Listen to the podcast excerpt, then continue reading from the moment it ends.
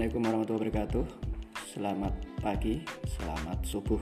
Ini hari ini saya ingin uh, menyampaikan siraman pagi ya. Ini bukan disiram dengan air ya. Ataupun bukan uh, sekedar kita menyampaikan sesuatu Tetapi ini siraman pagi bukan untuk saya menyampaikan ayat-ayat Quran juga bukan tetapi ingin menyampaikan ya nasihat dan saling menasihat ya. Nasihat dan saling menasihati itu salah satu hal yang saat ini saya pikir bagus untuk kita semuanya. Karena sedikit sekarang itu mau menerapkan saling nasihat menasihati kalau ada orang lain yang kurang bagus kita nggak enak ya. Karena apa karena kadang kita berpikirnya ini urusan kita kita sendiri. Tetapi padahal kita juga diperintahkan untuk saling nasihat menasihati di dalam kebenaran dan kesabaran ya. Ini lah yang menyebabkan ya ketika ada orang lain yang kurang benar kita cuek ya. Ketika kita berkumpul dengan teman-teman kita ya misalnya atau satu uh, misalnya anak sekolah itu ketika ada orang lain yang tidak mau mengerjakan tugas atau malas belajar ya atau pada saat uh, diberikan tugas tetapi dia ah malas mengerjakan yang lain kita nggak berani untuk mengatakan mas uh, eh bro kita itu kan dikasih tugas bro kita kerjakan dulu ya. Ini manfaat loh buat kita. Jadi gitu tuh kita nggak berani ya kalau udah urusan-urusan sendiri. Kita yang rajin orang lain gak rajin menjadi uh, urusan-urusan sendiri. Padahal kita kalau misalnya bisa mengajak temannya untuk saling nasihat menasihati itu sangat baik sekali ya bro ya. Oke uh, hari ini ya kita semuanya belajar ya. Saya ada satu judul ya, yaitu berdakwah tanpa kata-kata ini saya ambil dari kata-kata sebuah buku ini sebuah tulisan ya. Cuman saya menjadi terinspirasi dan saya mengingat-ingat apa itu berdakwah tanpa berkata-kata. Kadangkala kita nasihat menasihati orang ya. Mungkin kepada murid kita kepada teman kita kepada orang tua kepada adik kita kakak kita dan sebagainya. Kita lebih suka berdebat lebih suka marah-marah untuk memberikan nasihat ya. Atau kita nada keras atau kita ngomong saja. Tapi kita tidak memberikan contoh ya. Itu ya baik atau contoh atau sesuatu yang menjadikan orang lain itu menginspirasi. Apa yang kita perbuat itu bisa menginspirasi orang lain. Ya, kita nasihatin orang untuk sholat sholat yang rajin tapi apakah dia terus melakukan sholat? Tidak juga kan. Ya, tapi ketika dia melihat kita rajin sholat, ya, setiap ada adan, oh, ini ada orang kok begitu uh, patuh sekali, taat sekali, takwa sekali, panggilan adan ya, panggilan Allah Subhanahu Wa Taala, orang langsung berjalan menuju ke masjid, kemudian sholat. Yang tidur dia sudah bangun ketika dia melihat tuh ya udah bangun ya. Udah pakai pijes udah pakai rapi banget. Baju kok sarung. Sajadah udah ke musola pagi-pagi. Sementara dia yang temennya hanya tidur ya masih ngiler gitu ya. Kemudian ya bangun masih tidak sadar gitu ya. Pengennya tidur lagi. Maka ya ketika hatinya tergerak loh teman saya bangunnya pagi banget sholat ketika suatu saat dia juga akan mendapatkan teguran di tempat yang lain maka dia menjadi ingat ada banyak sekali yang harus kita rubah ya.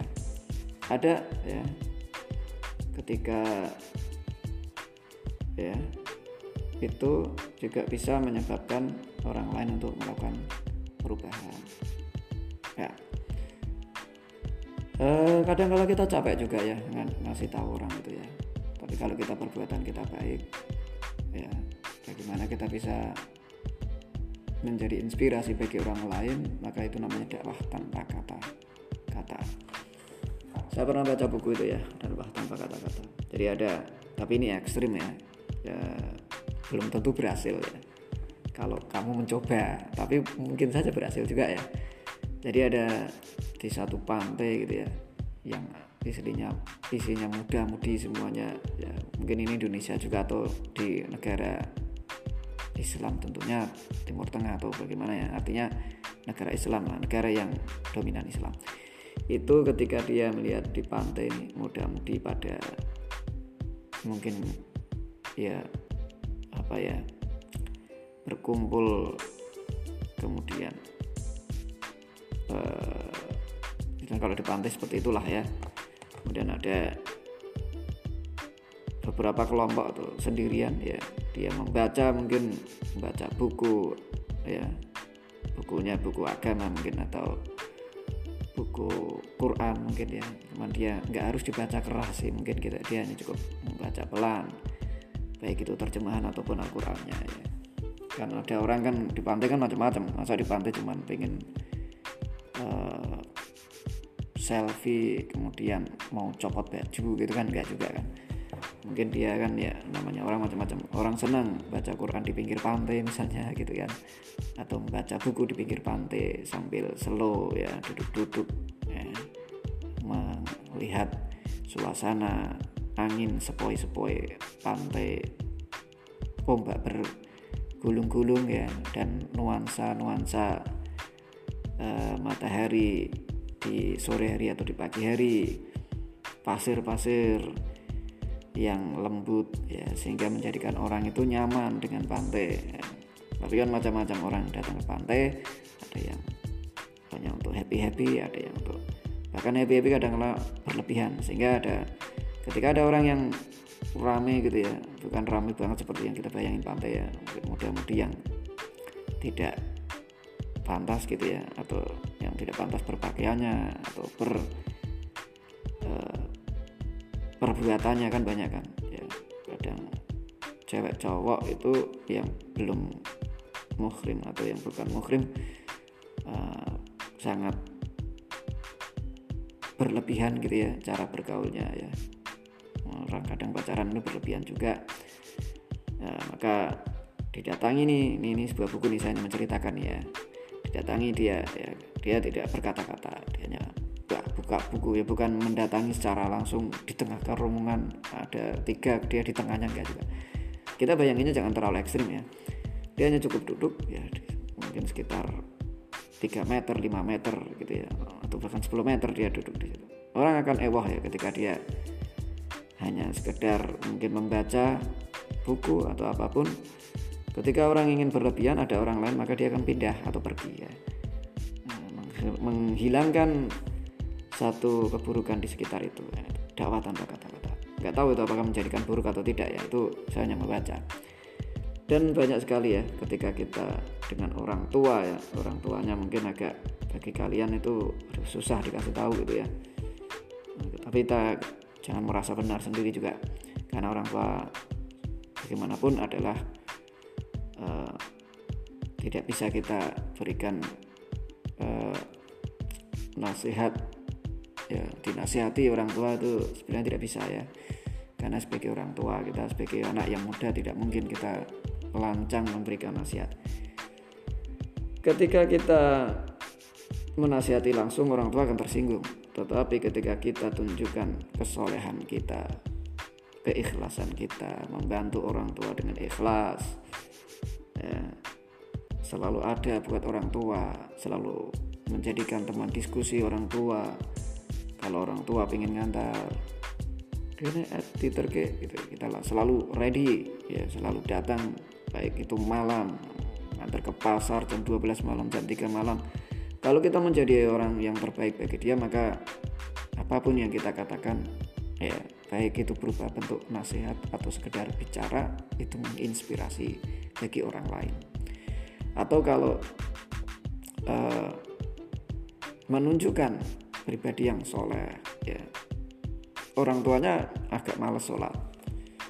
Tapi kita tahu waduh mau ngasih tahu orang tua pah mah ya. Sholatnya yang rajin gitu kita nggak berani maka tunjukkan kesolehan. Perubahan kesalehan itu kemudian eh, dapat terlihat oleh orang tua orang tua kagum. Ya nanti dia akan ada perubahan sendiri. Anak saya kok rajin sholat saya sendiri gak sholat. Maka nanti dia akan ada perubahan. Ya nanti nuansanya di dalam keluarga itu akan terjadi kesalehan bersama, kesalehan secara keluarga. Ya, itulah namanya dakwah tanpa kata-kata.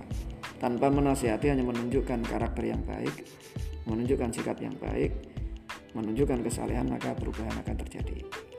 Ya, itu guys ya yang bisa saya sampaikan motivasi hari ini ya ini tagline-nya adalah dakwah tanpa kata-kata, bernasihat tanpa kata-kata. Sampai ketemu lagi. Assalamualaikum warahmatullahi wabarakatuh.